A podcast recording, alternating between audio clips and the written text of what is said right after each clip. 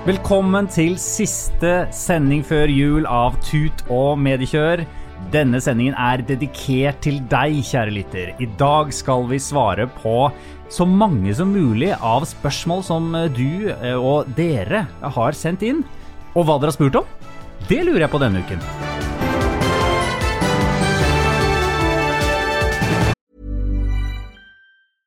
Mother's Day is around the corner. Find the perfect gift for the mom in your life with a stunning piece of jewelry from Blue Nile. From timeless pearls to dazzling gemstones, Blue Nile has something she'll adore. Need it fast? Most items can ship overnight. Plus, enjoy guaranteed free shipping and returns. Don't miss our special Mother's Day deals. Save big on the season's most beautiful trends. For a limited time, get up to 50% off by going to BlueNile.com.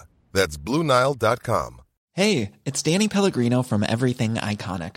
Ready to upgrade your style game without blowing your budget? Check out Quince. They've got all the good stuff shirts and polos, activewear, and fine leather goods, all at 50 to 80% less than other high end brands. And the best part? They're all about safe, ethical, and responsible manufacturing. Get that luxury vibe without the luxury price tag. Hit up quince.com slash upgrade for free shipping and 365 day returns on your next order. That's quince.com slash upgrade. Tut og mediekjør altså er alltid med deg. Eh, Vi er en podkastserie som eh, forteller historiene som ligger bak alle nyhetsoverskriftene som du leser eh, eller hører hver eneste dag eller ser.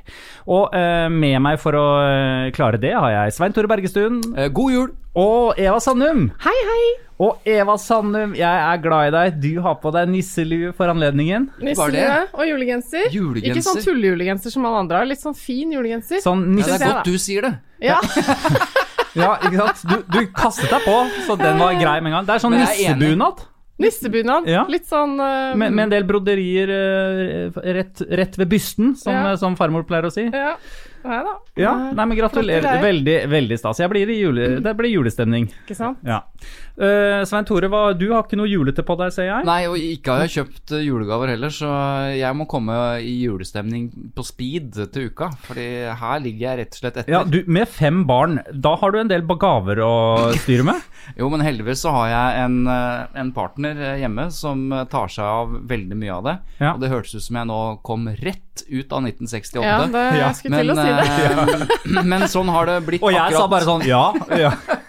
Nei, men, eh, men det er jo det som gjør Men jeg har mye jeg skal gjøre. Men det lurer jeg på, er det sånn uh, pleier, Med fem barn, er det sånn Er du julenisse? Har du vært det i 15 år allerede og har liksom 20 år foran deg som julenisse? Altså, eh, det er veldig sånn ambulerende julenisserytme. eh, Fordi at noen ganger er det naboer, noen andre ganger er det jeg. Det kommer jo an på hvor gamle barna er, ikke sant. Og det er Hvis du har de samme vottene du hadde i går, så Du må bytte ut garderobe, julenissegarderoben. Ja, og så må du følge med på liksom alderen til barna. At du vet at når de passerer fire og et halvt, fem år, så begynner de å ha et helt annet blikk på julenissen, f.eks. Og, da kan du- og da kan du skuffe voldsomt, hvis Ja. det viser seg at Ja, men pappa, har du bare Hvorfor er Hvorfor, eh, hvorfor er du blackface i år? Eh, pappa? ja. dårlig maske. Nei, så, så nå eh, Det er klart hun på 21 tror fortsatt på julenissen, så det er litt tøft. Ikke sant? Det er jo tøft. Ja, Da har du gjort en god jobb. Ja, jeg syns det. Så hun Min gjøring sa det i går, at eh, han fortsatt tror på julenissen, men, eh, men så er det liksom ødeleggende at det er en del foreldre da, som liksom overkompenserer når julenissen ikke har tid noen ganger, og, og later selv som det er julenissen. Ja, men det det, sto ikke i veien Det er mange som faker nissen, men den ekte nissen, den er jo et sted Ja, der. den er der. Ja, den er jo der. Og du da, Eva, er nissemora som går rundt og gir eh, mandariner på sengen? Jeg er litt mer sånn som delegerer oppgavene, så vi har delt på kalendergreiene sånn eh, blant hele min familie. Også barna har eh, lagd kalendergaver og sånn, så alle får.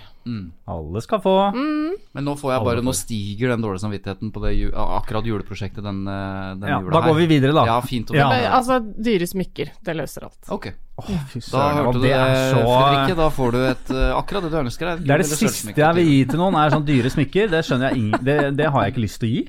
Men eh, dyre kjoler, det, det er annerledes. Ja. Nei, det Det er mye lettere å treffe på kjoler enn på smykker. Ja, ja, men det er vanskelig det òg. Men det er veldig gøy når jeg Jeg har klart det noen ganger. Ja. Eh, Det er, da er jeg veldig fornøyd.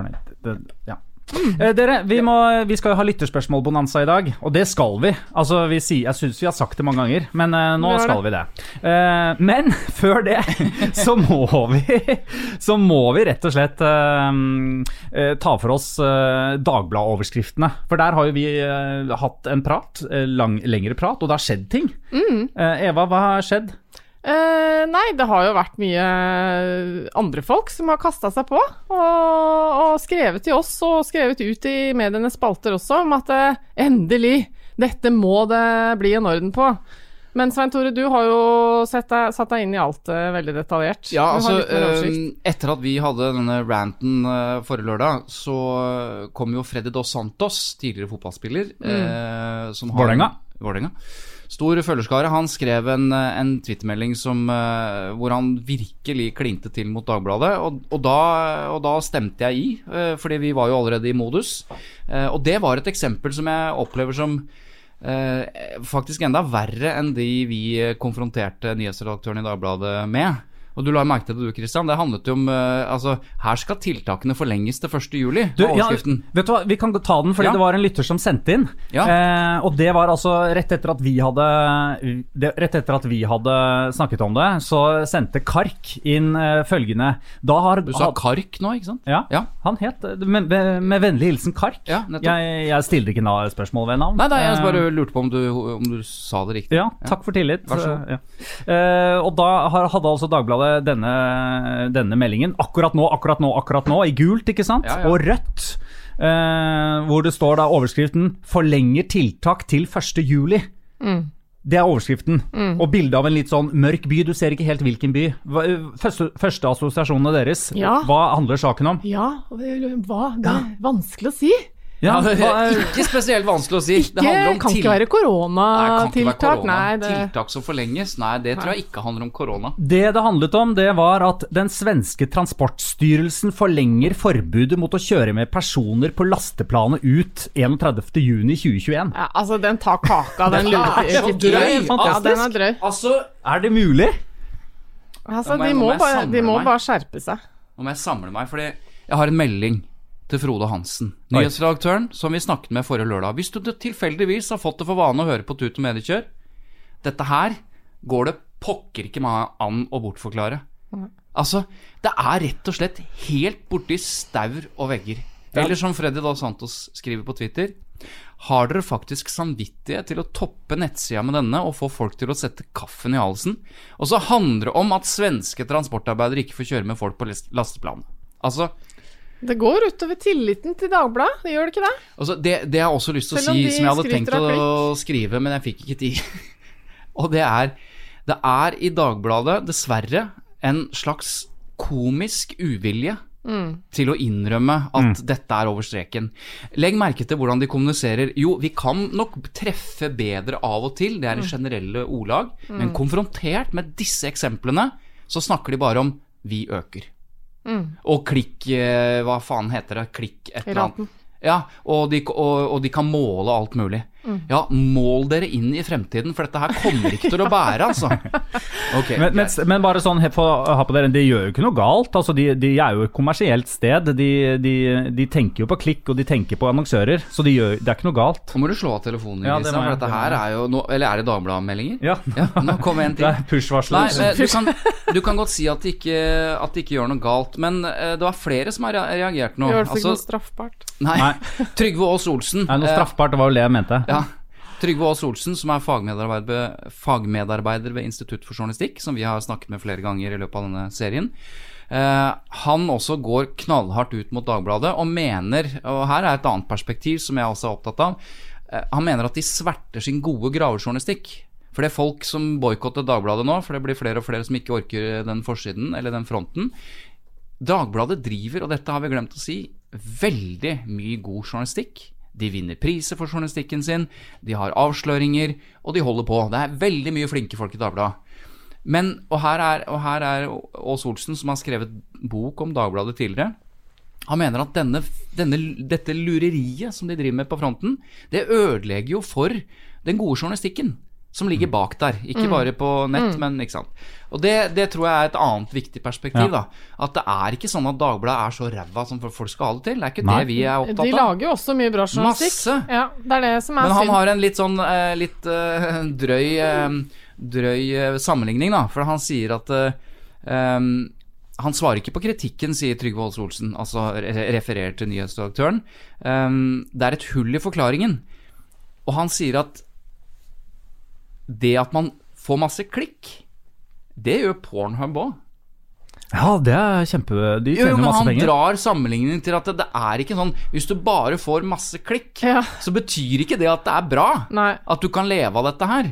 Um, så, Og, Ja, men Apropos Pornhub, Ja, det er min uh, ukes uh, hjertesukk. ja, ja, få høre. det visste jeg ikke. Da er Herlig overgang. Ja, Ja, veldig bra. Få høre. Takk for før- den uh, Før Frode Hansen nå trenger der. et tilsvar, så tror jeg kanskje vi bare hopper videre Ja, til eh, Pornhub! Ja! Altså, jeg satt på sykkelen på vei hit nå uh, i dag og, og tenkte på at uh, hva er det jeg hadde liksom Ja, hva, hva hva jeg har sukket over denne uka?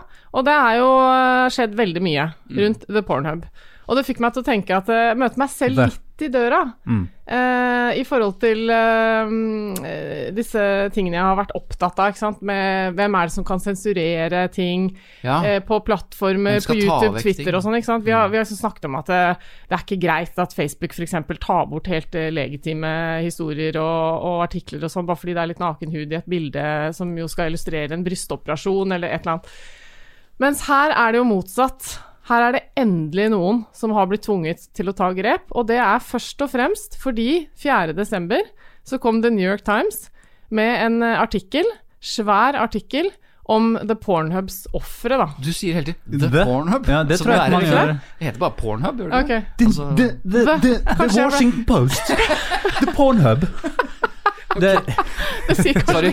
sier kanskje litt om at jeg ikke vanker Ja, Hvis du skriver inn thepornhub.com, så tror jeg ikke du kommer fram. For å si det sånn, det har jeg ikke tenkt å prøve.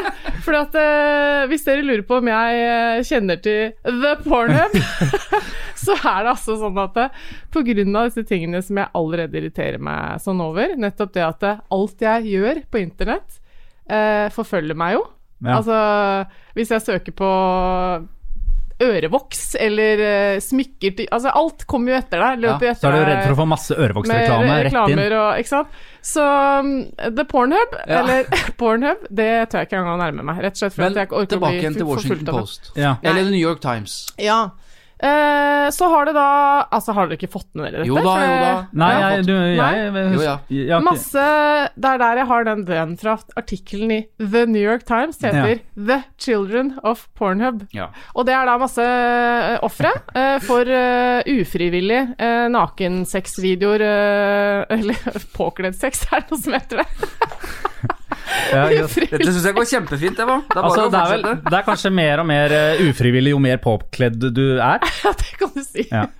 Uff, dette kan vi ikke tulle med. Men i hvert fall, uh, veldig kort fortalt, så er det jo um, en pornonettside som sikkert også består av en god del, hva skal jeg si, eh, hermetegn, men frivillig porno. Ingenting er som hermetegn på, i en podkastserie. Men eh, det er jo også det at uh, Pornhub har jo tillatt eh, hvem som helst å laste opp hva som helst i alle år, ikke sant? og det er jo helt utrolig egentlig at det har kunnet foregå så lenge. Pornhub har jo eksistert siden, jeg vet ikke, 2007 eller noe sånt. Ja. 1890 ja, ja, mm. Eh, og så pga. den artikkelen hvor det er flere som står frem da, med historien om hvordan de plutselig fant uh, videoer av seg selv som de ikke visste var tatt opp av ekskjærester og alt mulig rart. ikke sant? Som, uh, og voldtekter finnes det jo der, og, og overgrep. Alt mulig rart. Det skal sies at det som er voldtekter, antageligvis ikke ser ut som voldtekter. Fordi det, det har ikke vært, vært snøff-filmer på Pornhub. Det, men, men det man ikke vet Man har ikke hatt noen kontroll på hvordan disse har blitt til. Ikke sant? Sånn at det, Ufrivilligheten ligger jo at det, det er mennesker som har blitt eh, trafikkert, altså trafficking. Eh, de har vært utnyttet fra de var en, kanskje åtte-ni år. Det er historier om det. Eh, og når du ser en film av en jente som har vært eh, sexslave siden hun var ni år, og så spiller hun i en såkalt pornofilm når hun er 16 eh, det, er ikke, det er ikke sånn at det ser ut som en voldtekt nødvendigvis, da. Bare så vi har det skillet. Ja. Fordi de har, de har jo selvfølgelig tatt vekk det som åpenbart er overgrepsscener. Ja. Men man vet Til ikke å begynne med tror jeg det har vært litt sånn eh, når de har blitt gjort oppmerksom på det. Ja. Og så har de sikkert blitt litt bedre med årene, da. Men eh, det jeg har hørt på i det siste, av gjennomgang av denne saken og sånn, uh, og lest, det gir meg jo inntrykk av at det har vært både det ene Det og det andre der. Men, Altså. men det, det er jo ofte alder som det går på, da. Altså hvis man er under, uh, altså under en, ah, 16 år, eller 14 år, Ja. så vil jo alt bli betegnet som overgrep. Eh, og så, så det har jo også vært en greie. men jeg har fått Poenget er at har, sånn nå har de blitt tvunget For nå har, nå har New York Times lagd den artikkelen, så nå har Pornhub, eid av et canadisk selskap, Ja. blitt tvunget til å eh, De har faktisk fjernet over halvparten av innholdet sitt. Ja, altså Det som skjedde først, var at eh, Visa og Mastercard bestemte seg for å, for å boikotte Pornhub, da, sånn at det ikke gikk an å betale for å laste opp ting der. The Visa? The Visa og The Ja. Mastercard. Og så fikk jo det Det hadde jo en ganske stor betydning. Men det som har skjedd nå de siste dagene, er at endelig har Pornhub eh, liksom skjønt at nå kommer vi ikke unna med dette. her, For de har egentlig svart ganske dårlig for seg i en uh, uke eller to nå. Eh, men nå har de akkurat sagt at uh, ok, greit, nå må, vi, nå må vi gå gjennom alt materialet. Så de har tatt bort 80 Så mye. av innholdet sitt. Og Og så vil sikkert til noen komme tilbake. eller de hvordan det har skjedd, det er det samme som eh, at det ikke lenger er f.eks. mulig å kommentere anonymt uh, i, no- ikke sant, i norske nettaviser og sånn, så linket man det til profiler. Uh, litt det samme som uh, selvangivelsen. Altså, Du kan ikke søke på, på de naboens skatteliste uten at du eh, legitimerer deg. Og da gikk jo søkene ned 80-90 Ja, ja. Det er litt det samme prinsippet, for nå må du på Pornhub, så må du da identifisere Altså, det må være en verifisert bruker som laster opp. Og det betyr at hvis du faller for fristelsen til å laste opp noe eh, som du har tatt av ekskjæresten din, eh, som ikke er Eller noe overgrep som Folk sånn, bruker det som trussel. så er du liksom. jo identifisert, ikke sant? Da kan du bli straffeforfulgt. Og da, da, da blir det ikke antageligvis da den type opplastninger som de har slitt med før. Så det er Du får en kode som du må skrive ut, og ta bilde av deg selv med koden foran. Ja. For, å, for å faktisk identifisere at du er den du utgir deg for. Men grunnen til Ja. at du eh, er opptatt hva- av Pornhub, eh, Ja, Eva? hva, hva, så hjertet, du, altså, du syns dette var en bra uke, for da gikk pornhub i seg selv? Ja, altså Jeg har sagt at jeg kommer til å følge med videre når mm. ting blir sensurert av plattformer, og. Ja, ja. Når jeg syns det går utover ytringsfriheten. Og så sa jeg at eh, nå møtte jeg meg selv litt i døra, for at Mm. eh, nå har jeg sett et eksempel på at det er veldig bra at noen tar grep og sensurerer Kort, plattform. to, lærings, Heia sensur når det gjelder porno. to læringspunkter her. For det første var det en artikkel i, i New York Times. Er det en slide du har i et foredrag? Ja. To læringspunkter To nå, læringspunkter. Nei, men Grunnen til at vi snakker så mye om Pornhub, da, det er jo at New York Times var den som fikk dette i gang. Altså Pressen selv i USA, hvor man blir kalt for fake news hele tiden, har enorm gjennomslagskraft hvis man først treffer og gjør gode ting. Og nummer to, dette handler litt om den samme eh, måte ansvarliggjøringen av mennesker som vi ser i andre, på andre medieplattformer. Nemlig at du må identifisere deg, du må vite. Og da faller på en måte faenskapen eh, ganske kraftig, fordi eh, da er du ikke anonym lenger. Og det er viktig. Ja. Bra. Svein Tore, har du et hjertesukk? Nei, det har jeg ikke tid til. Nei, greit, da går vi videre. Jeg har et hjertesukk. um, Så det har vi tid til. ja, selvfølgelig. altså Kom igjen. Eh, nei, nei, altså det var det er denne uken det, Dette er de, disse borealfergene som har stanset. Altså, broren min bor på Låven, en liten øy ute i havgapet. Gjør han det? Uh, rett ved Træna, Ja, der hvor alle uttales det Låven? Låven. Und. Å ja, Låvund. det høres ut Men broren min bor på Låven. Oh, ja, så- å ja, var det det er greit det er jul, altså, men Ja. det får være grenser. Nei, ja, han bor jo der. Låven, ja. Ja, Låvund. Ja. Altså laksen, laksemekka. Mm. Eh, det er helt fantastisk. eh, mange trailere, som Men det navnet gjorde ikke så veldig inntrykk på deg, tydeligvis. Nei, men jeg har ikke vært på Låven. Jeg har Nei. vært på Låven. Ikke Ja. sant? Det er forskjell på det. Men, eh, men og, da, og derfor har jeg vært ekstra interessert i den saken. Ja, um, og alt stoppet jo opp langs hele kysten, ikke sant. Ja. Fergene måtte innstilles. Så jo intervjuer med masse folk som var uh, fergefast. Ikke Eller- sant? Og det var det jeg, det jeg reagerte litt på, uh, som er mitt hjertesukk, det er at uh, jeg syns journalistene var altfor dårlige til å faktisk grave i hvorfor var det sånn at Sjøfartsdirektoratet plutselig sa at alle ferger måtte stoppe. Ja, uh, og i stedet for så, så fikk jeg bare høre om Gerd som aldri kom seg til uh, barnebarnet sin bursdag. Jeg fikk høre bare de personlige historiene. De bare ble pepret hele uken, Uh, på, men jeg fikk aldri bakgrunnsinformasjon. Der, der, der syns jeg journalistene gjorde en dårlig jobb. Ja.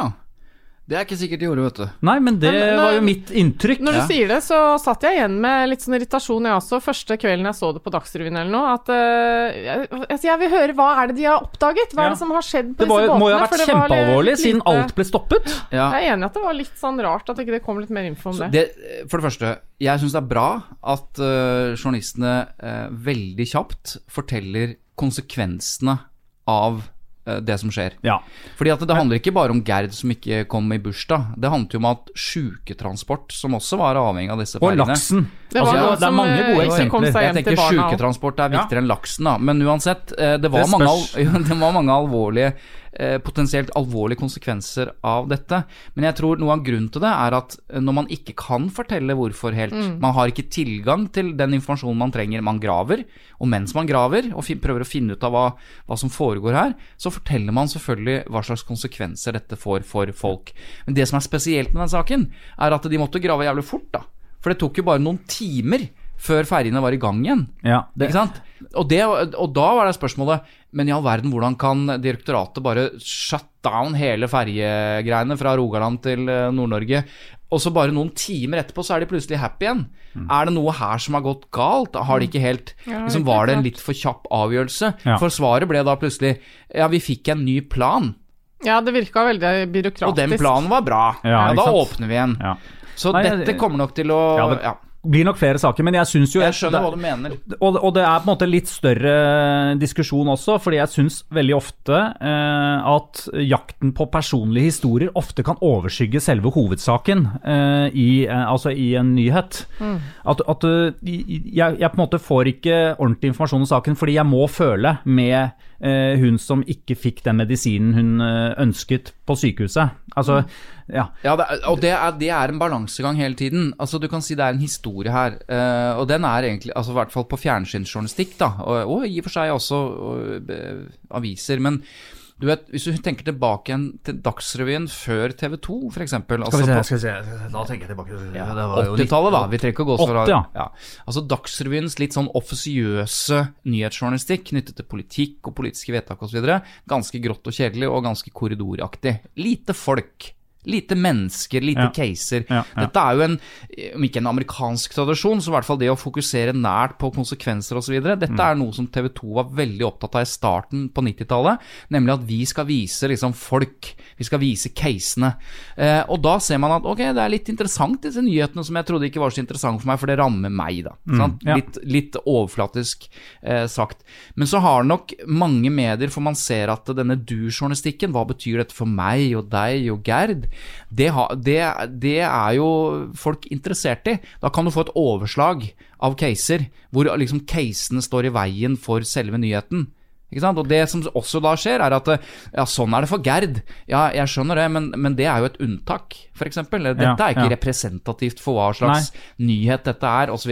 Men det er en historie her da, hvor, hvor Dagsrevyen har eh, liksom vært i den ene siden, og mens VG og TV 2 og andre mer tabloide har vært opptatt av denne personlige historien. Ja, nei, men jeg, jeg, og jeg er veldig for å høre om Gerd, altså. Og hvis Eh, men, det skaper klikk, Christian, er ikke det det du syns er greit, da? Hvis Jo, det da. viser seg at det måler at det er det seerne vil ha. Det det hvis seerne vil ha Gerd, altså, så skal det jo Gerd på.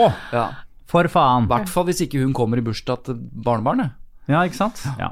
Nei da, men jeg skjønner det. Jeg bare, det, er, det er en balansegang der. Ja, det er det. Men, Men dere, vi, vi må videre til, eh, til eh, Jan Erik, som har sendt oss eh, et Nei, spørsmål. vi må faktisk se Det er noe mer som har skjedd denne uka som vi må snakke om. Okay. Og det er at nå har jo Nissen over skoga' her kommet tilbake på skjermen. Det har det. Nei, ikke på skjermen. Jo, på skjermen, ja. Jo, nei, Ja, altså ikke i på Dplay, da. Ja, ja, men det er en skjerm, det. Ja, ja, hvis du henter den fram, så kommer den på skjermen. Ja. Så hva er det de egentlig har gjort? Jo, de tok av reprisen, og de fjernet den fra arkivet, og det diskuterte vi forrige lørdag. Altså sånn? saken Bare sånn uh, Saken her aller først. Jeg klapper oh, ja. både for at uh, den er tilbake i arkivet, men også for Discovery, som har, hold dere fast, ombestemt seg. Mm. Bare sånn, altså Saken var jo her at Discovery først tok av nissene på, i skog og hei. Der nede heter Nissen i skogen det og tror hei. jeg de fleste har fått med Nissen over seg. Nissen over tut og kjør. Ja. Nissen over tut og kjør og hei. Eh, tok den bort pga. denne karakteren til Espen Eckbo, eh, som heter Ernst. Eh, som eh, var eh, Ernst Øyvind. Som var da eh, hadde mørk eh, sminke i ansiktet. Eh, og, eh, og fordi de mente at det var gikk i retning blackface-tradisjonen. De fikk reaksjoner, og så Ja. tok de da. Nå er den tilbake. Og hele verden har engasjert seg i denne saken, eh, føles det ut som. Så det, det har jo virkelig vært veldig sterke meninger for og mot. Men eh, i løpet av uka kanskje ganske mange imot denne nedstengningen av eh, Sensureringen. Ja. Mm. Og så Nå har den altså kommet tilbake. Ja, var, det, var det eneste du skulle si? At nå Nei, er den kommet tilbake? Det har kommet tilbake. noe annet fint. Det har kommet tilbake med merking, Ja. ikke sant? Fordi når du nå søker opp Nissen over skog og hei i Dplay-arkivet, eh, så er den merket Ja. med sånn 'dette kan være støtende'-aktig. Ja. Ja, Så- Er det litt nytt i Norge at man gjør det? For det ja, er det er veldig helt nytt. Det er ingenting i arkivet, i noe arkiv som tidligere har blitt merket om at Nei. dette kan være støtende. Uh, nei, så det er helt nytt. Men, Men det- altså det tekniske med å legge inn noe i ettertid som informerer om noe, det kan jo skje f.eks. i en merking av at denne dokumentaren ble faktisk felt i pressens faglige utvalg. Ja ja, informasjon, Eh, ja. så, så det å legge inn en sånn plakat foran noe, det Ja, er jo ikke første gang. teknisk sett er det ikke en nyvinning. Men, uh, men praktisk sett. Jo, men det at man merker noe som uh, i etterkant Ja. som støtende Ja, sånn, ja. Så, ja er, er du helt sikker på at det er første gang det har skjedd? Jeg har aldri hørt om at programmer har blitt Mm. merket i ettertid. Det, Som er, støtende, ja. som Eller st- At dette kan oppleves som støtende. Det er jo sånn at uh, internasjonale Hvis du ser på Netflix osv., så, videre, så står det jo at dette inneholder nakenscener, eller dette inneholder sånn og sånn, og her kan du oppleve ditten og datten, og, uh, og uh, The Crown nå, ikke sant. Så hver gang Diana kaster opp, så før, før hun gjør det, det så står det merke dette kan være stø... Eller dette kan være Så det gjøres så mye mer nå eh, når det sendes. Men at man eh, merker en ti år gammel humorserie med at dette kan være støtende, Mm. det er helt nytt. Men i hvert fall, det, det morsomste tross alt oppi det hele er at, eh, er at Espen Eckbo til slutt kom på banen. Mm. Og skrev en nekrolog over Ernst Øyvind Tvedt. Ikke bare Espen Eckbo, men flere andre har signert den nekrologen. ja, det er jo Asbjørn Brekke, Ove Hoff, Rino Tue, Valdemar og Tarald og Tørris og hele gjengen har, har liksom skrevet som en slags arbeidskollegaer da, over Ernst eh, Øyvind, som har Den har rett og slett eh, Jeg Han syns vi skal ta oss tid til å høre den. Ja, den må vi nesten høre. Men kan, før, uh, før vi leser opp den eh, nekrologen, um, hvor- bare beskriv hvordan ser Ernst Øyvind ut, Eva? Han er vel eh, Han er i sånn 40-årene, tror jeg. Eh, litt sånn slabbedask-type, tror jeg. Jeg husker han ikke så godt, men litt sånn sørlending, slabbedask-type. Litt, litt mørk i huden, svart krøllete hår og ja. Og da, Svein Tore, skal du lese. Ernst Øyvind Tvedt, født og oppvokst i Lillesand, kom til verden påsken 2006 på TV 2-Nøttene. Som nummer 80 i en flokk på etter hvert over 100 karakterer. Han jobbet som spillefilmkonsulent i en av hovedstadens siste videobutikker, før han søkte seg til en kreativ fagskole. Dessverre kom han ikke inn fordi han uforskyldt hadde lånt et kamera med off-knapp på mikrofonen. I 2008 var han å se Tett på tre på TV 2.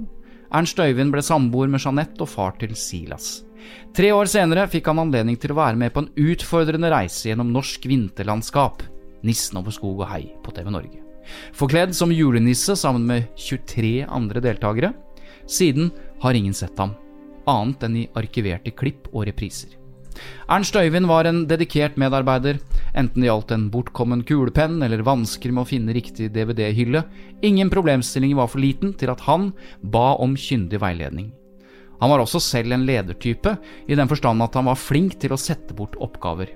Ikke minst var Ernst Øyvind en kjærlig, oppmerksom far, som bare en sjelden gang trillet med seg feil baby på vei hjem fra kaffebesøk. Men som alle komplette personligheter hadde også Ernst Øyvind en mørk side. Han kunne både provosere og virke støtende, vel å merke uten å mene det eller forstå det selv. Så på vegne av eh, den avlidende, og til alle som har blitt såret eller følt ubehag i møte med Ernst Øyvind, unnskyld, det var ikke meningen. Skaperen har nå tatt Ernst Øyvind tilbake og gitt ham sitt endelige hvile. Det er en trøst å vite at nettopp det, å få hvile, er jo akkurat hva Ernst Øyvind selv stort sett ønsket seg. Vi lyser fred over Ernst Øyvind Tvedts minne. Advarsel. Denne teksten kan i fremtiden komme til å virke utdatert eller støtende. Den vil da merkes med enda en advarsel for å kunne bestå som den er og inspirere til fortsatt utvikling av mangfoldig, trygt og inkluderende Norge. Oslo 17.12.2020. Espen Eckbo, Asbjørn Brekke, Ove Hoff, Rino Tue, Valdemar Tarald Tørres med flere. Å, den er god. Veldig gøy. Den er god på så mange plan, den. Oi. Det så Du leste mellom linjene, Ja, Eva? det er så godt skrevet, for Ja. at det er jo så mye antydninger. Og så Det jeg syns, er at eh, de klarer, da, de som står bak denne, disse forskjellige karakterene, eh, å understreke hele sitt poeng. Nemlig at eh, de beskriver han som en nordmann. Det var aldri Det var akkurat sånn det var tenkt. Det er ikke noe poeng her eh, Altså, han har hevet seg over hele denne blackface-debatten, egentlig. Ja, han har han, det, er, ingen som Han har aldri snakket om han som, som svart. Uh, ikke her. Ikke i serien heller. Men dere, nå må vi ha et nytt Så, lytterspørsmål. Espen Er dere klare? Er en bra fyr. Jan Erik har sendt inn et spørsmål. Tusen takk, Jan Erik. Kjempegøy. Um, det handler om Romsdals Budstikke. Og hvor er den avisen fra? Romsdal. Romsdal. Ja, Er det ikke noe Møre også? Jo, Romsdal eh, Altså, det er jo da lokalavisen på i Romsdalen. Ja. Møre og Romsdal er jo to steder som Altså, ikke er satt på Mørekysten, sammen i et navn, men på ikke sant? Romsdalkysten. Så Det, det, Ja, men det er jo noe som heter bare Romsdal. Jo, men det er, avisen er jo også for Møre og Romsdal. Ja, Grunnen til at vi er litt avventende nå, er at hvis du, hvis du, hvis du blander eh, Nordmøre med Møre, altså kristiansundere med Molde altså Da, er det, da, er det, Da er da får vi så mye lytterspørsmål eller lytterhenvendelser at eh, Så Men jeg var Roms- litt usikker nå, rett og slett. Men Romsdals Budstikke er for, for alle i området. Forsøksvis. Ok. Greit. Vi får Eh, håpe det. I hvert fall, eh, i Møre og Romsdal så er det, har det vært veldig stor sykehuskrangel eh, mellom Molde og Kristiansund. Og Det ble da til slutt bestemt at det nye sykehuset skulle ligge på Hjelset, som da ligger nærmere Molde, altså ca. 20 km utenfor Molde.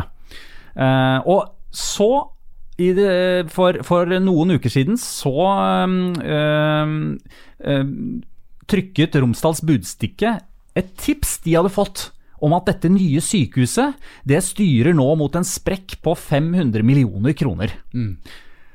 Og øh, Jan Erik lurer da på sånn, Når Romsdals Budstikke vet at dette er hot stuff, som han skriver, eh, og at det potensielt ligger en bombe i sprekken, er det da grunn til å tro at Romsdals Budstikke sin informasjon kommer fra en troverdig kilde eh, som, vet, som sitter tett på forhandlingene? Og er det vanlig å gå ut med slikt dersom det bare er et tips nært opptil et ubekreftet rykte? Altså hvor skal man hvor, eh, hvor bra tips er dette for at de kan skrive noe sånt? Ok, Før vi svarer på det, så må vi, jeg bare vil litt flåste i stad. Altså, eh, Romsdals Budstikke utgis i Molde. ikke sant? Så det er liksom Moldes lokalavis. Mens Sunnmørsposten utgis i Ålesund. Ok. Ja, Bare så vi har litt oversikt over uh, laget her. Ja, ok. Ok. Og i Kristiansund så var det f.eks. Tidens Krav. Ja. Nå var det for så vidt ikke det Jan Erik akkurat spurte om, så Nei, for dette har han sikkert peiling på sjøl. det vil jeg anta. Eh, Så, så spørsmålet spørsmålet her er jo sånn Når kan en journalist gå ut med info fra et tips? Det Hvor troverdig må tipset være for at de kan gjøre det? Du kan ikke gå ut med et tips. Det er liksom det enkle svaret. Du kan Ja, ikke gå ut Jeg med skjønner inn... nesten ikke spørsmålet. Nei, du kan ikke gå ut med innholdet i et tips. For forutsetningen for at du kan bruke tipset i det hele tatt, det er at du sjekker det. Ikke sant? Det betyr at du må sjekke det tipset du har, opp mot andre kilder. Enten skriftlige kilder eller muntlige kilder. Men hvis ingen andre av de kildene øh, vil uttale seg Hvis du ikke får noe annet til å bekrefte dette tipset fra noen andre kilder, muntlig eller skriftlig, så kan du ikke omtale det. Da må du vurdere opp mot Vær varsom-plakaten om det er en legitim grunn til å, til å publisere en sak eh, kun med en anonym kilde. Eller så må en. du prøve å få den som tipset, til å stå frem med, med sin påstand. Eh, men du kan jo ikke bare publisere Nei, nei, jeg har fått Det er en her som mener et eller annet som er helt hinsides. men hvis- uten hvis- at noen får svare for seg. Da må du inn i og det er masse ting å ta hensyn til da. Hvis det tipset inneholder en påstand, så må den som eh, blir eh, angrepet eller liksom an, anklaget for noe, få svare for seg. Da det liksom kicker inn masse regler, da. Eller sagt på Så en det er helt avhengig av hva tipset er. Sagt på en annen måte, eh, det spiller ingen rolle det, det, Du skal ikke vurdere troverdigheten og påliteligheten i ett tips, og det kan du ikke gjøre uten at du sjekker det opp mot andre, eh, annen informasjon. Så du kan ikke sånn Ok, her har vi et tips. Det inneholder ganske mye. La oss, liksom, la oss vurdere hva, er, hva kan være sant her, eller hvor troverdig er dette? Så skjer jo ikke det da isolert. Du kan ikke komme fram til at ja, jeg tenker at dette, er, dette høres troverdig ut, så da publiserer vi det. Nei, det får du først vite når du sjekker det opp mot andre kilder. Så driv, det drives ikke enkildejournalistikk i norsk presse. Nei. Det kan være enkilde i den forstand at noen kan si noe åpent, sånn som Eva sier. at eh, Det er jo ikke enkildejournalistikk hvis noen får lov til å si noe i avisen. Men, men hvis da Romsdals Budstikke, og Jan Erik nevner jo litt her, hvis da dette tipset sitter ved forhandlingsbordet, altså Romsdals Budstikke vet jo hvem det er, Mm. og dette er en person som sitter ved forhandlingsbordet, og dermed sitter og jobber med saken, Ja, jeg- og derfor et troverdig kilde for dem, men de kan jo aldri gå ut med det navnet eh, når de presenterer tipset i Nei, ikke hvis det avisen. er av, det må jo da, da er vi tilbake igjen til med avtale med kilde, eh, kildevern og hva, hva slags avtale de har gjort med denne kilden. Ja. Men hvis de har sentrale kilder, så kan de bruke det begrepet at sentrale kilder forteller. Og da holder det bare med én. Ja, det holder å si at sentrale kilder forteller, men du må alltid, du må, eller kilder, men du må alltid sette det opp mot noen andre. Det betyr at du kan ikke bare si at Hvis du hører da at en veldig tett på forhandlingene sier at sånn er det, 500 millioner ditten og datten. Ja, så, kan, så holder det heller ikke å si sentrale kilder hevder det, uten at du da har sjekket det opp mot Du må sjekke sannhetsgehalten i det allikevel. Du må konfrontere liksom den andre parten eller andre med det. Så kan du godt si "Eh, det har vi ikke noen kommentar til, eller sånn og sånn, men man må sjekke sannhetsgehalten, eller, eller kall det troverdigheten, da, i, i, i innholdet med andre kilder. Du kan ikke bare bruke én og vurdere troverdigheten isolert sett. Nei, Men hvis da alle du sjekker opp mot sier det har jeg ingen kommentar til, men du fortsatt sitter på den ene personen som hevder at her er det en sprekk på 500 millioner, og Ja. det er en som sitter ved forhandlingsbordet, Ja. Er det da en sikker nok kilde? det, det, du må vurdere situasjonen. da. Hva, hva, hvordan har denne eh, informasjonen kommet til? Kan det backes opp av noe annet enn det at han sier det?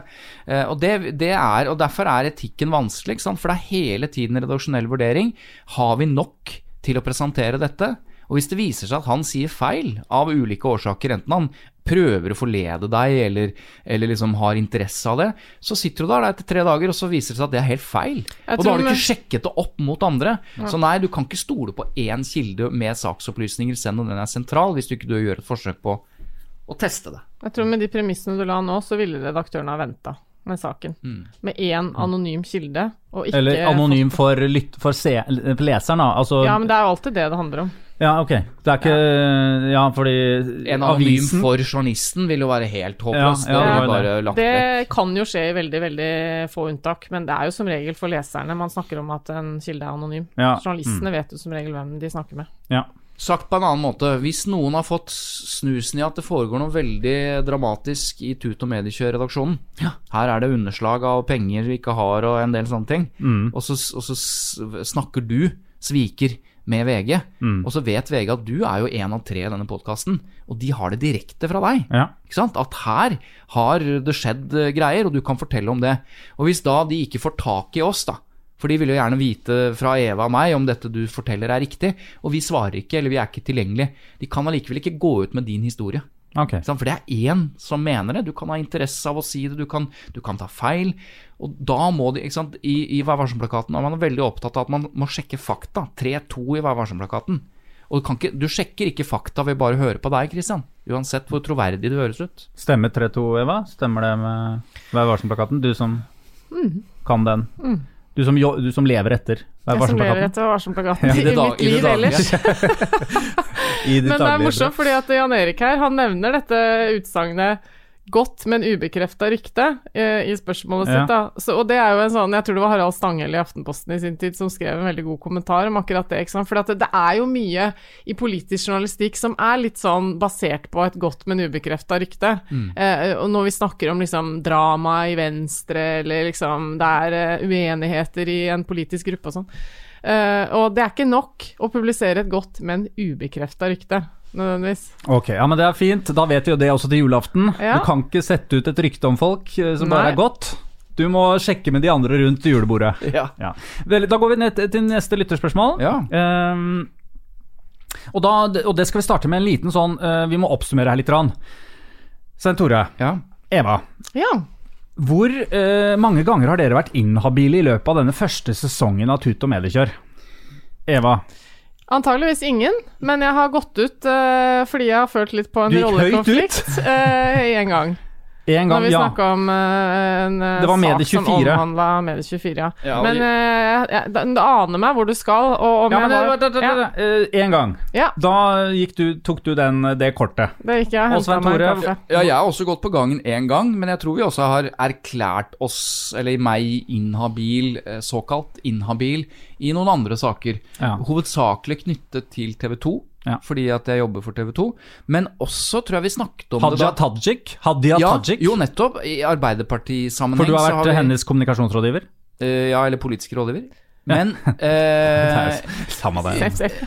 Ja, ikke helt det samme, men Nei, og så tror jeg Men det Det skal understrekes at det har vi bare nevnt, men vi har ikke sagt at det gjør deg uh, Nei, men vi har liksom løftet det opp. At jeg, jeg, skal, jeg må si for Ja. skams skyld. Ja. Men jeg har også nevnt det i forbindelse med Nicolai Tangen. Husker dere ganske tidlig? Altså Mm. oljefondsjefen. Eh, kontroversen rundt han fordi at det var en link der til den boka jeg skrev osv. Så, videre. så tre ganger har i hvert fall dette vært oppe, og da tror jeg vi har brukt ordet inhabil. Men er du inhabil? Ja, du òg, Kristian. Ja, ja, ja! ja. Du gikk Er ut da vi inhabile? snakket om eh, Sigrid Bonde Tusvik. Han Ja. gikk ikke ut, for han er jo eller Han må jo styre Ja, teknikken, han så han satt satte seg liksom han var tilbake i stolen. Birgitte. Det var vondt. Ja, det var vondt. Når det gjaldt eh, Sigrid Bonde Tusvik eh, og den kontroversen rundt Ari Behn, så da, ville ikke, da kunne ikke du si noe. Nei. For du var såkalt inhabil. Ja. Men er vi inhabile, dere? Nei. For det er det som en lytter lurer på. Mikkel her, han skriver Dere snakker mye om habilitet eller inhabilitet, og jeg lurer på om dere bruker dette begrepet riktig. Slik jeg opplever dere, snakker dere ofte om at 'nå er jeg inhabil', mens det dere angir som grunner, egentlig bare er en klargjøring av bindinger, eller til og med kanskje bare koblinger og bekjentskap. Hilsen Mikkel. Ja, det er så riktig. Ja, han Ja, har helt ja. rett. Ja, det er helt riktig. Og jeg tok meg bryet med å slå det opp uh, når jeg ble litt flau, uh, for man blir jo litt flau når man skjønner at man har bare sagt helt feil ting. Og inhabilitet er jo i bunn og grunn et juridisk begrep som brukes i diverse lover, bl.a. i forvaltningsloven, og alt er egentlig knyttet opp til pers altså personer som er inhabile. Det handler om at de ikke kan treffe avgjørelser. Du, Det er før du- knyttet til avgjørelser, da, sånn som jeg har forstått det. Og det er jo ikke det vi snakker om. Men du, før du eh, driver og, eh, og googler det opp og later som du kan alt her i verden Nei, nei, men- eh, Så jeg, jeg snakket med en advokat, jeg skjønner du. Så, Å, så, det, så da kan vi jo liksom bare høre en som faktisk kan det. Ja, det er sant. Ja. For jeg spurte han hva er Takk, Når er man inhabil? Inhabil, det er man når man står i en slik posisjon til den eller de eller det man har en bestemmende innflytelse over, at det er egnet til å svekke tilliten til den beslutningen eller den uttalelsen du gir. Og Det førende begrepet her, det er egnet til å svekke tillit. Det er jo formalisert flere steder. altså Juridisk sett så finner vi det i eh, kanskje mest eh, vanlig brukt i forvaltningsloven. Vi finner det i domstolloven når det gjelder dommere, vi finner det i straffeprosessloven når det gjelder politiloven. Eh, og vi finner det også i selskapsretten. Du finner det i aksjeloven for styremedlemmer, og du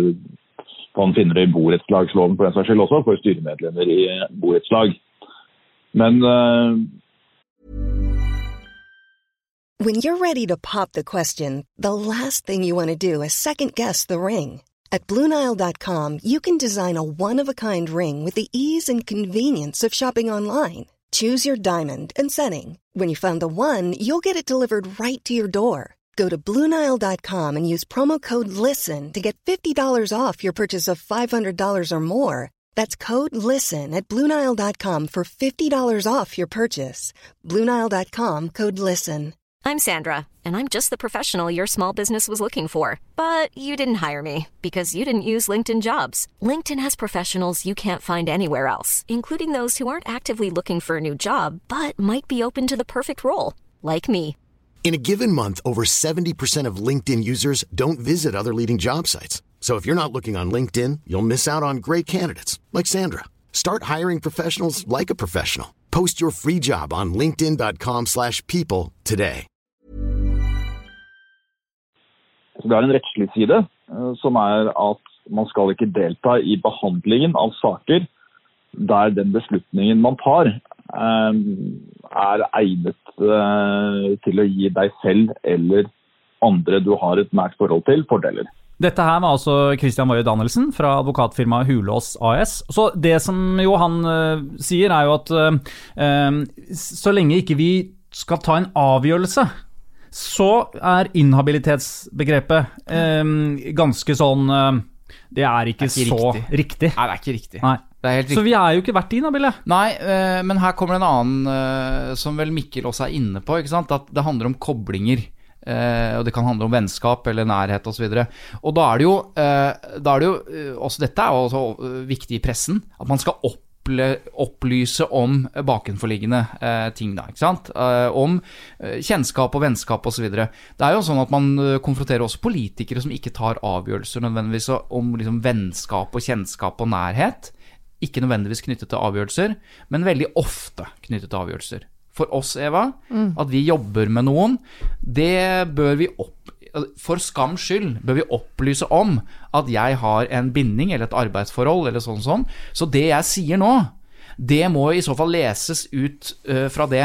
Men det kan jo folk helt klart gjøre. For hvis jeg sier ja, jeg jobber for TV 2, ikke for redaksjonen, men for ledelsen, og så sitter jeg og snakker om TV 2 Ja, men det har du gjort noen ganger. Jo. Når det ikke har vært liksom en eh, helt klar ja, men La oss si jeg, jeg ville snakket om noe som jeg tenker at jeg er såkalt inhabil på, da, men så, så sier jeg at det vil være nok at jeg opplyser om det, for da kan lytteren tenke sånn Ja. Nå snakker han da veldig varmt om TV 2, ja det er ikke så rart, for han har nettopp sagt at han har jobbet for dem. Og så kan man på en måte vurdere Ja. det ut ifra Ja det, da. Mm. Så, så, Eller omvendt, ikke sant. At du kan eh, være så klar over eh, at du har en rollekonflikt at du faktisk eh, er litt ekstra streng. Jeg kjenner jo til det fenomenet her gjennom Pressens faglige utvalg, som jeg da har sittet i mange år. Hver måned så er man inne og skal vurdere masse saker, og der står det jo klagere bak, og innklagede medier er involvert, ikke sant. Og da er det masse folk rundt det bordet som potensielt har bindinger. Enten med klageren eller med avisen som er, eller mediehuset som er klaget inn, da. Men der skal det jo treffes en avgjørelse. Ja, det er det som jeg skulle frem til nå. At jeg tror eh, noen ganger så har vi på en måte misbrukt det, det ordet inha- inhabil noen ganger, fordi at vi opplever at vi sitter her og skal treffe en beslutning som er vår mening om Fy noe. fader, så store vi er på oss sjæl. Ja, men altså, det er no, noen ganger når det har Så vært litt sånn betente saker, så føler man kanskje at liksom, her kan ikke jeg gå hardt ut og mene ditt og datt, for at det virker rart, da. Det er det som kanskje har vært logikken. Men jeg syns også i, generelt i eh, Pressens faglige utvalg og den type forum, da, at man går litt langt med det der at det med en gang noen har sagt noe, ment noe om en sak, så er man liksom eh, automatisk inhabil. Eksempel, eh, Se og Hør ville, prøvde gjennom mange år å erklære meg inhabil i absolutt alle saker som omhandlet dem. Ja. I Pressens faglige utvalg. Fordi de mente at jeg eh, naturlig nok hadde en eller annen eh, bias liksom, til alt som handlet Agg. om dem.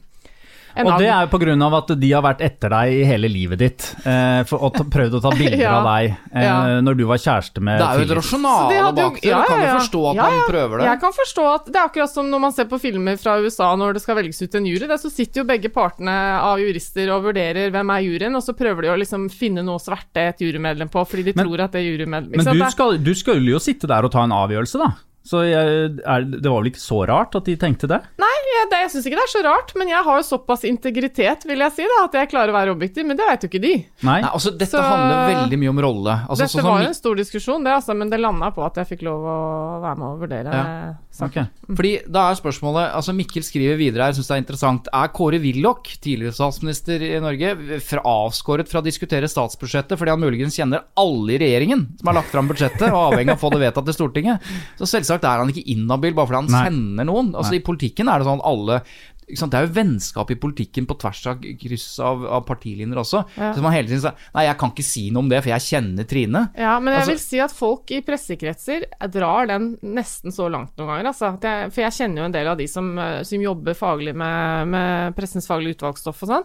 Og det er liksom, man kan ikke uttale seg om noen ting. Og det jeg syns er så dumt, er at det, det sitter jo da en gjeng som jobber eh, kontinuerlig med presseetikk.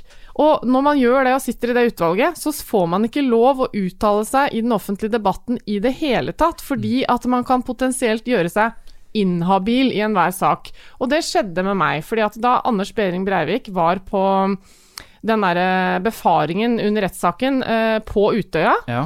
Så var jo VG på andre siden av eh, kaia der og tok masse bilder med, med telelinse. Ja, jeg tror det var et helikopterbilder Ja, det kan godt hende. Det var i hvert fall svære bilder av han med eh, liksom ladegrep, og jeg husker at jeg liksom åpnet avisen og ble ordentlig kvalm Mm. av liksom Må jeg virkelig bli eksponert for dette? Det er liksom everything all over again, følte Mm. jeg da. Når det var sånn at de absolutt skulle vise i store bilder at han sto der og viste masse folk hvordan han hadde gjort sånn og Ja, sånn. uff, ja, jeg ble helt kvalm av det. Og det uttrykte jeg på Twitter, husker jeg- sånn umiddelbart den dagen jeg så det. Og det gjorde at jeg ikke fikk lov å være med og behandle den klagesaken. Ah, Fordi at jeg hadde uttalt meg eh, Hadde på en måte uttrykt min mening. du hadde bare uttrykt en mening. Nei, og det syns jeg var en interessant diskusjon, for jeg aksepterte det. Men jeg, jeg liksom stussa litt over at ok, det betyr da at alle vi som sitter og jobber med disse problemstillingene hele tiden, vi må liksom aldri finne på å mene noe om det som foregår i mediebildet. I fordi at eh, i fall det ja. blir en klage. Ja. Og det syns jeg Altså, jeg kan forstå det i enkelte tilfeller, absolutt, men jeg syns det er litt synd. Men kan vi ikke bare konkludere, da? Hvordan skal vi gjøre dette? Etter veldig nyttig innspill fra Ja, Mikkel. Vi skal slutte- bra. advokaten, og, eh, og advokaten. som jeg hadde ringt, da. Forslag én. Vi slutter å snakke om inhabilitet, for det er rett og slett ikke riktig. Nei, vi, skal vi heller bare snakke om eh, Vet du hva, jeg har ikke så lyst til å Nei, vi må bare informere, først og fremst. For det er viktig. Jeg føler at det blir en rollekonflikt, kan man si. Ja. Og så kan man belge på med å si hva man vil. Ja, hvis man Ja, ikke men Men vi, la oss si da at, eh, at vi skal snakke om noen i mediebildet som er nær venn av meg. Ja. Så kan jeg si at én opplyser om det. Dette er en nær venn av meg. To. to og derfor har jeg Jeg er ikke komfortabel rett og slett med å diskutere det. Det er jo realt. Jeg sitter her og hører hva dere sier, men jeg kommer ikke til å bidra. Og det handler om at jeg ikke syns det er ok, da. Tre. Eh, takk for nå. Okay. Tre er eh, at du skal ta hensyn til hvordan det oppfattes av, av publikum, av lytteren, ikke sant. Hvis det setter lytteren i en veldig vanskelig skvis, altså, kan jeg tro er det, Kan jeg liksom stole på vurderingen til Svein Tore nå? Og da Så er ikke det bra. Eh, da kommer jeg på en eh, Unnskyld. Ja. Nei. Ja, hvis du Nei, fordi at eh, eh, du skal jo For en journalist, eksempel, når man skal vurdere sin habilitet, så de også bruker jo det begrepet, selv om det ikke nødvendigvis handler om å ta avgjørelse, men det handler om hvordan de skal dekke en sak, så er det ikke nok å si nei, men dette her har jeg kontroll på, sånn som jeg sa i stad. Jeg klarer å være objektiv. Det holder ikke nødvendigvis for en journalist. Fordi at eh, hvis det, publikum sitter der og blir liksom sittende og lure med og bruke masse energi på å lure på liksom, kan han dekke en sak om den fotballklubben, når kona hans er eh, administrerende direktør for den Men- samme klubben, f.eks., da, så er det bedre å bare si vet du hva, jeg dropper å skrive om denne saken. Dette løses jo uh, eh, mer og mer uh, på denne måten, at det står helt nederst i teksten at for ordens skyld Mm. så har journalisten som har skrevet denne saken, også jobbet for VG. Og da, har de liksom, da signaliserer de at nå har de skrevet kritisk om et eller annet, Mm. eller positivt, og da skylder de å gjøre leseren oppmerksom på at han har jobbet for ditt og Men det der irriterer meg veldig, for jeg syns det skal stå helt øverst. Ja, jeg skal Ja, akkurat til å si. det, og det har blitt diskutert mye, så det har blitt vanligere nå at det står lenger opp, nettopp fordi at de vet at det er mange som ikke gjennomfører hele artik artikkelen og aldri får med seg den informasjonen. Ja, men du, det blir jo, du leser jo det med et helt, med helt annet syn når du får en sånn informasjon. Jeg er helt enig med deg. Jo samtidig så er det jo Hvis det hadde vært øverst. veldig tett binding, ikke sant? At du liksom tenker at dette må jeg vite øverst, så hadde det antageligvis ikke vært den journalisten som hadde skrevet det.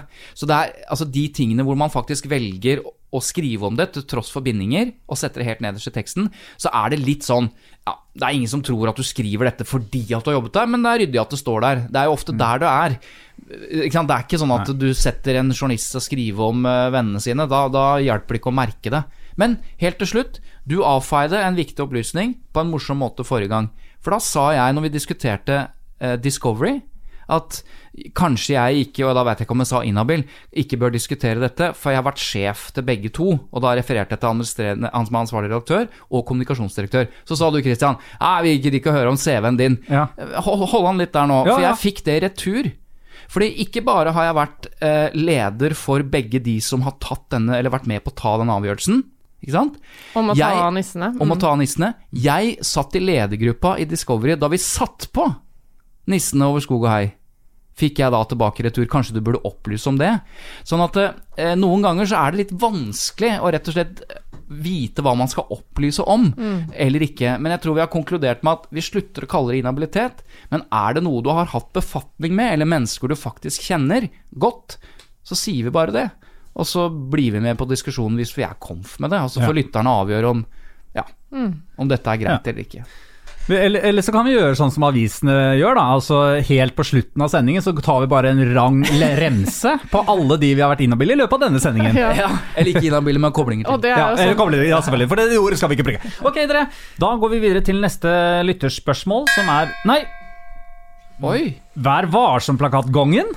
Jøss. Tror du ikke Ja, den skal, gå? Skal som- den i dag? Det var jeg som trykka på den nå. Eva, så vet du hva? Du Men dere, sitter her med nisselue Først, og Jeg har med meg to gave, julegaver til dere. Nei. Vær så god. Vet du hva, Nå overgår du alt det jeg trodde om deg, Eva. Og det er fordi dere skal få lov å pakke opp hver deres endring i Vær varsom-plakaten. Nei! Og så blir det mer personlig og, og kjærlighet nå, så Det skal vi se her, ja. Det- Ja. Det var eh, Svein Tore, du har altså fått uh, en endring i punktet om sitatsjekk. Ja. Det har jeg faktisk. hvordan Ja, du, den er, ser jo det, det er er jo- gullig. Det er jo masse sitater oppi posen her. Masse rød penn. Ja, få høre, da. Hva, Hva hva er er endringen her? Sitatsjekk er jo når eh, du f.eks. Christian har blitt intervjuet av en journalist, og så har dere blitt enige om Det er da den endringen vi snakket om i forrige uke, at eh, dere da må bli enige om hvorvidt det skal foregå sitatsjekk gjennom den praten dere har. Altså at du skal få tilsendt sitatene dine på mail, da så skal du Ja. se om er dette, er dette det jeg sa. Ja, er det sant. faktaen riktig her? Ja. Og den nye formuleringen ved varselplakaten den understreker da at dette er eh, hva det er til for. At det er eh, å rette opp eventuelle feil og sørge for at intervjuobjektet faktisk blir gjengitt korrekt. Og at det er hovedpoenget med en sitatsjekk. Og grunnen til at de understreker dette, er fordi sitatsjekk i dag Spesielt når det gjelder eh, såkalte profesjonelle kilder, da, altså kommunikasjonsrådgivere, politiske rådgivere osv., bruker ofte sitatsjekken til en sånn derre Ok, nå har vi intervjua statsråden. Sender sitatsjekk, og så kommer kommunikasjonsrådgiveren inn og liksom skriver en ny avhandling tilbake tilbake til journalisten. Skriver om sitater Er det vanlig? Det er dessverre litt mer vanlig enn man skulle tro. Eh, Fordi eh, journalistene er jo veldig frustrert over dette koblet av kommunikasjonsrådgivere og, og rådgivere generelt, som, som blander seg inn i sitatsjekken og prøver å gjøre om på alle uttalelsene. Det er ikke hensikten med en sitatsjekk. Er det ikke det som er jobben deres, egentlig? Er ikke Jobben dere, Deg, Svein Tore, og deg, Eva? Altså, er Nei, ikke dere kommunikasjonen? det det er- nei overhodet ikke Det er i forkant av intervjuet? jeg har aldri intervjuet. gjort det med, Ja, okay. på vegne av noen, nei. Men på vegne av meg selv eh, kan jeg jo la meg friste til å gjøre det. Og det er, den endringen her er også litt sånn uh, smekk til meg, og hvordan jeg opererer. For hvis jeg blir intervjuet, så er jeg litt sånn Jeg vil veldig gjerne ha sitatsjekk. Og det koster litt å liksom være den kjipingen som ber om det, når du føler at det du har uttalt om, ikke er så veldig. Kontroversielt. Men eh, Jeg samtidig så liker jeg liker å ha kontroll. Eh, Og så er det liksom, så kommer teksten, Ja. og så er den skrevet, så har de valgt noen av tingene jeg sa som ikke var helt det jeg skulle ønske de valgte ut, osv., osv., og, så videre, og så blir man jo frista til liksom Sorry, men jeg bare må liksom Og så Mm. oppdager du noe skrivefeil i det som har blitt oversendt, og, Og det er viktig. og så oppdager du liksom at ok, eh, journalisten har faktisk gjengitt meg helt eh, korrekt, og jeg snakka jo utrolig klønete. Eh, så får du lyst til å endre liksom Kan jeg få ta bort Kan jeg formulere dette litt bedre og sånn? Og- Og de fleste journalister er jo veldig greie på det, hvis ikke det er noe big deal.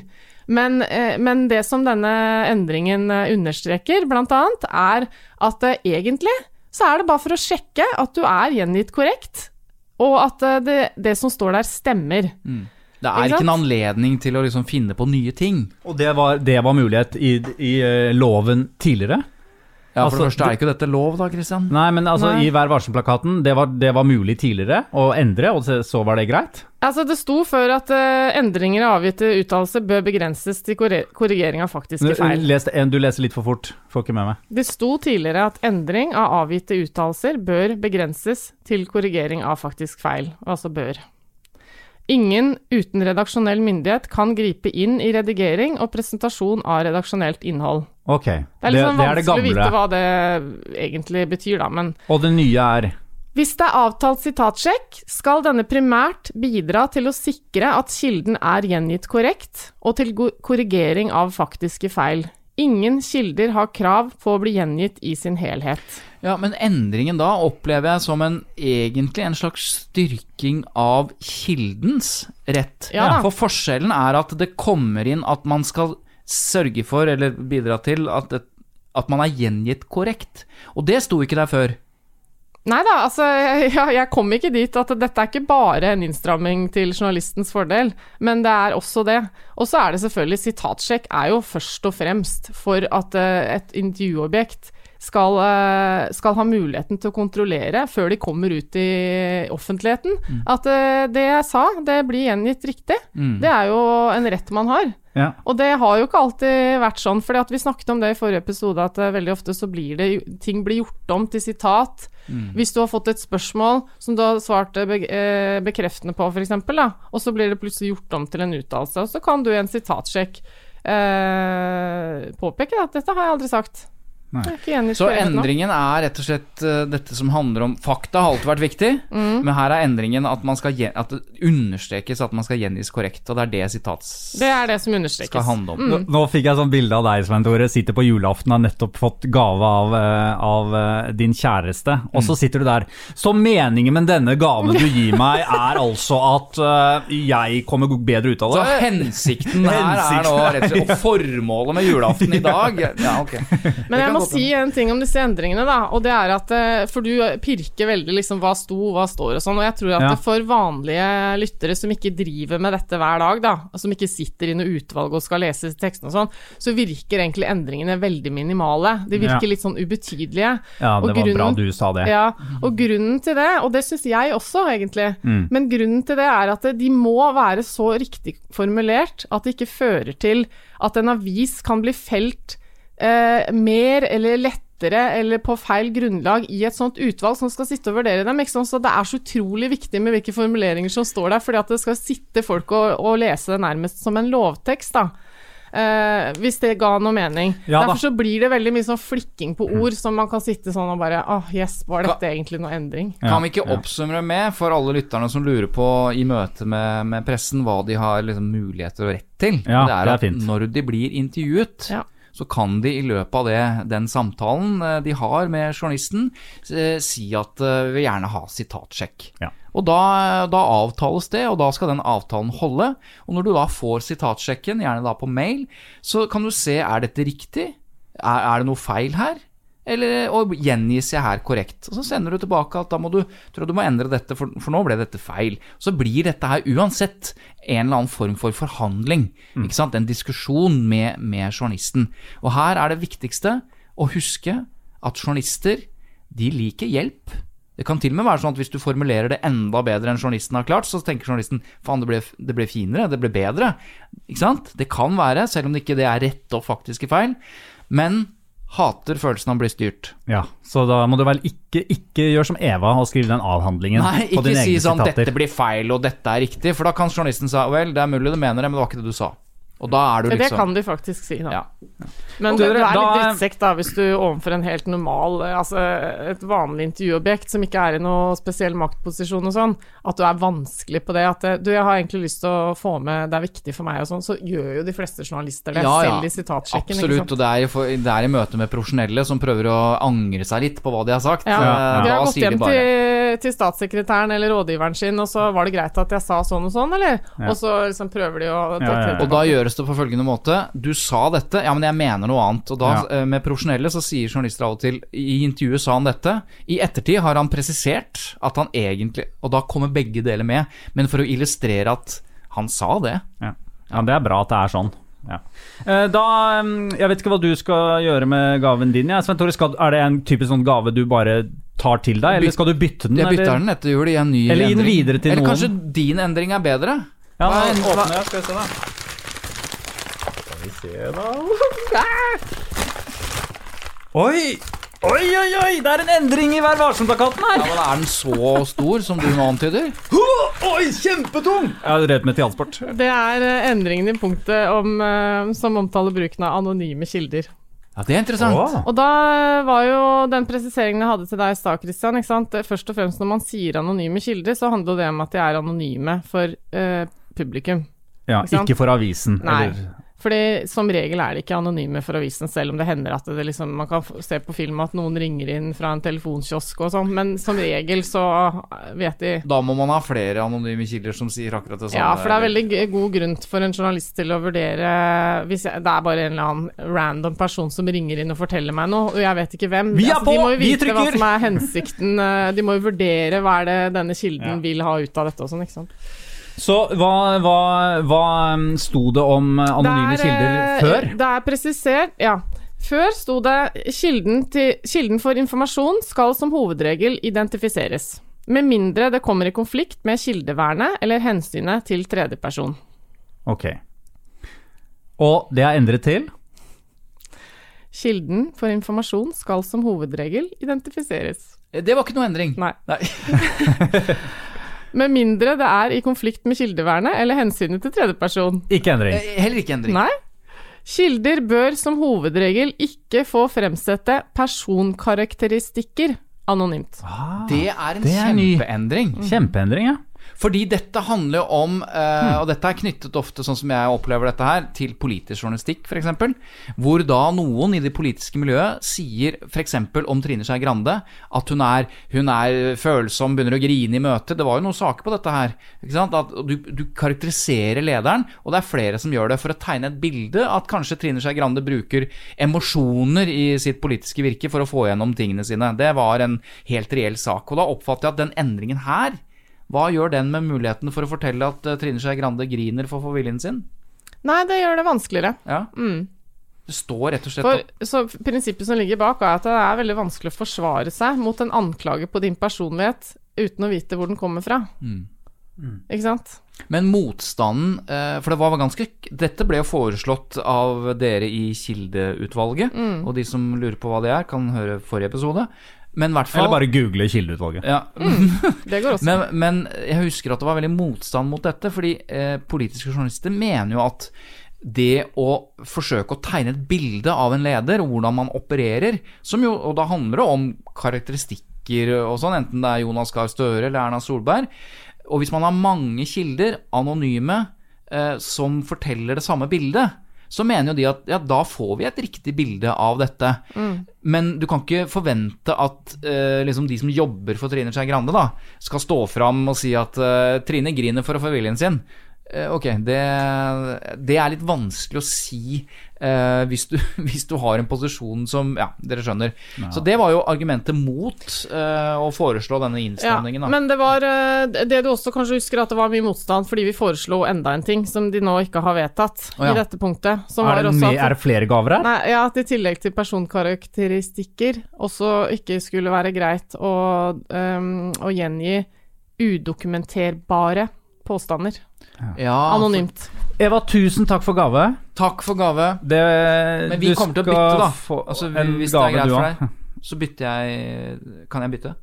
Ja, jeg må. Jeg har- dra Nei, god nei. hugg av. Takk. Men uh, la oss nå bare si at uh, Tut og mediekjør er uh, over for denne gangen. Denne episoden er uh, slutt. Det er siste før jul. Siste før jul. God vi- jul, Eva. Sorry, jeg bare eh, God jul! Der raknet hele den gaven. Ja. Jingle bells, Men vi har jo ikke gitt noen gave til, eh, til lytterne, da, har vi det? Jo, det må vi gjøre. ja, det må vi selvfølgelig gjøre. Hva, hva kan det være? Vi poster på vår Facebook-side. Vi kan kan gi et kompliment. Nei, vi har en gave. Har vi? Ja, så gi Fordi den, da. Fordi midt i jula, når du har åpna de kjedelige gavene du ellers får, så kommer det en jule... Skal vi årsspesial? Å, ja. Altså, vi lager Julespesial med årsoppsummering av 2020. Ja, midt i romjula. Vi løper fra familiemiddagene våre med litt sånn ribbesaus nedover skjorta, Og sender direkte. løper inn i studio bare for at du som hører på, skal få en jule-nyttårsspesial. Og det er da eh, Skal vi se er Lørdag, andre juledag. An, første Nei, jo. andre, Jo, andre juledag. Men du, da, da bare sier da, da sier vi god jul, og så, eh, og så høres vi om en uke. Det gjør vi. Ja. God jul! God jul! God jul!